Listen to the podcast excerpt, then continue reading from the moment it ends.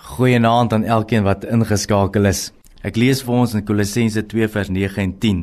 Want in hom woon al die volheid van die godheid liggaamlik en julle het die volheid in hom wat die hoof is van alle owerheid en mag.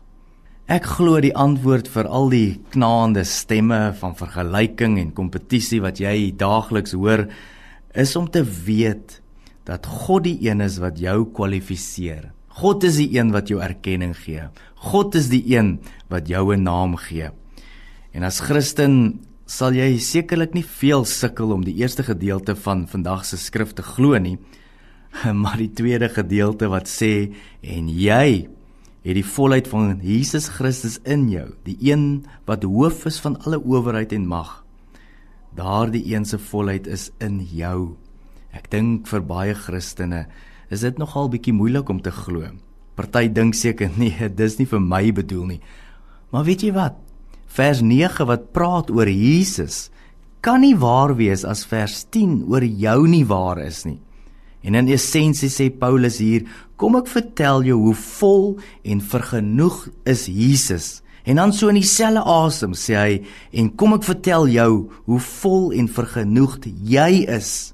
Hy stop nie en verduidelik en maak 'n stelling nie. In die konteks van die volmaaktheid van Christus, maak hy hierdie standpunt van die volmaaktheid van jou ook.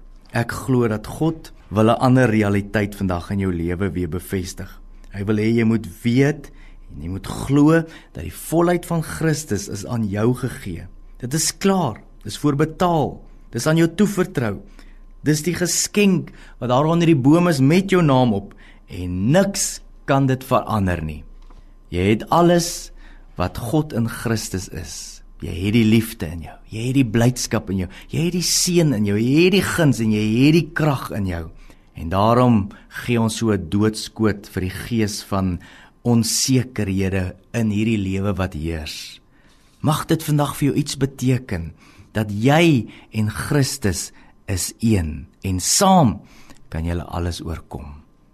Here mag dit so wees dat elkeen wat luister om weer net te kan bevestig u is in ons almal. U godheid, u krag, u lewe, u blydskap is in ons. Mag dit ons vandag Here oorweldig. Mag ons bewus wees daarvan vandag en mag dit ons lei deur hierdie dag. Ons bid dit in Jesus naam. Amen.